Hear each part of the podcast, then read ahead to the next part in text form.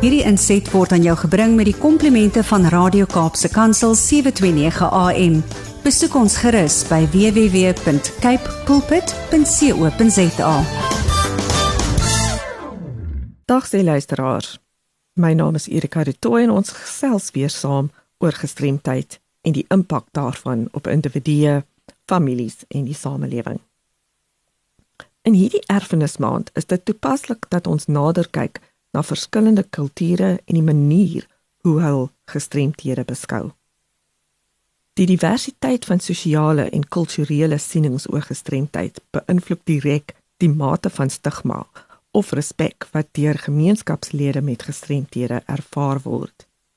In sommige kulture is daar skaamte verbonde aan gestremdheid wat kom uit 'n oortuiging dat 'n mens se gestremdheid veroorsaak is deur daardie persoon of sy of haar onmiddellike familie wat iets verkeerd gedoen het deur towerkuns of deur een of ander voorvaderlike sonde.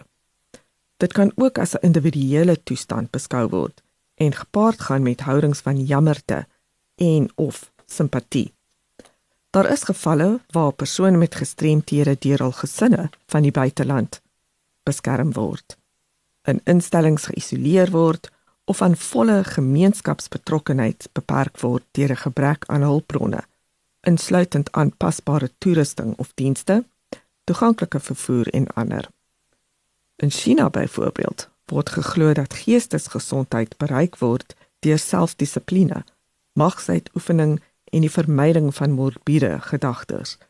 Daar word verstaan dat emosionele probleme met swak karakter geassosieer word.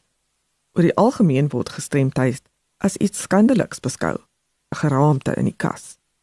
Misverstande van of gebrek aan kennis oor 'n spesifieke verlies of siekte kan 'n geweldige hoeveelheid vrees, vyandigheid, vervreemding en blaam veroorsaak. Gestremdheidsregte bewegings in verskillende lande en wêrelddele kyk verskillend na hierdie saak. Die meeste maak positiewe veranderinge met ondersteuning van die bekragtiging van die VN se konvensie oor die regte van persone met gestremthede. Mense met gestremthede self pleit vir hul regte op inklusiewe en aktiewe deelname aan alle aspekte van die samelewing en maak vordering op die volgende gebiede: oor stemreg, toegang tot hoër onderwys, verbeterde vervoertoegang, veranderende houdings in die media en verhoogde indiensneming. Dit is uiters belangrik om daarop te wys dat die idee van gestremdheid 'n konsep is wat 'n hele reeks fisiese, psigososiale, sensoriese, neurologies en intellektuele verliese insluit. 'n Konsep wat verskillend begryp word in verskillende gemeenskappe en selfs binne gemeenskappe. Die idee van gestremdheid as 'n konsep kan ook vreemd aan gemeenskappe wees. In 'n onlangse gesprek met kollegas was ek geskok om te ontdek dat sommige gesinne in Suid-Afrika regstreekse mishandeling teen gesinslede met gestremthede toelaat of hulself daaraan skuldig maak. Byvoorbeeld, die onwettige gebruik van die persoon se ongeskiktheidstoelaat vir hul eie doeleindes tot die toesluit van die persoon in die huis sonder toegang tot die gesin en fisiese mishandeling en geweld. Dit is moeilik om te begryp dat dit gebeur, maar dit is belangrik om te besef dat hierdie misbruik baie keer aan onkunde toegeskryf kan word. 'n Mens verwag van die gesin om ingelig te wees oor hoe om hul kind of familielid se gestremdheid te hanteer. Maar gesinne moet eers geleer word om die betrokke familielid se verlies te verstaan voordat hulle opgelei kan word om hoe dit te hanteer. En in gevalle waar tradisionele kultuur en oortuigings 'n groot rol speel, kan dit nog moeiliker wees.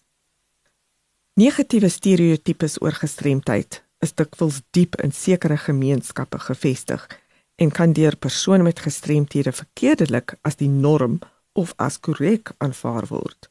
Om dit teen te werk, word mediaveldtogte om persepsies oor gestremdheid te verander en programme wat gestremdheid op 'n positiewe manier uitbeeld en wat op bemagtiging fokus, kom al hoe meer voor.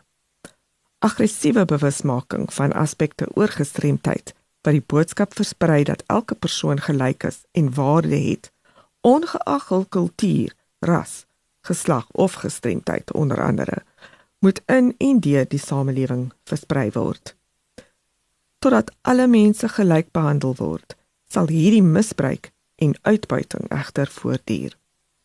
Weereens, stuur gerus enige navrae aan my by awareness@wcapd.org.za of skakel my op kantoor by 021 355 2881. Hierdie inset was aan jou gebring met die komplimente van Radio Kaapse Kansel 729 AM. Besoek ons gerus by www.cape pulpit.co.za.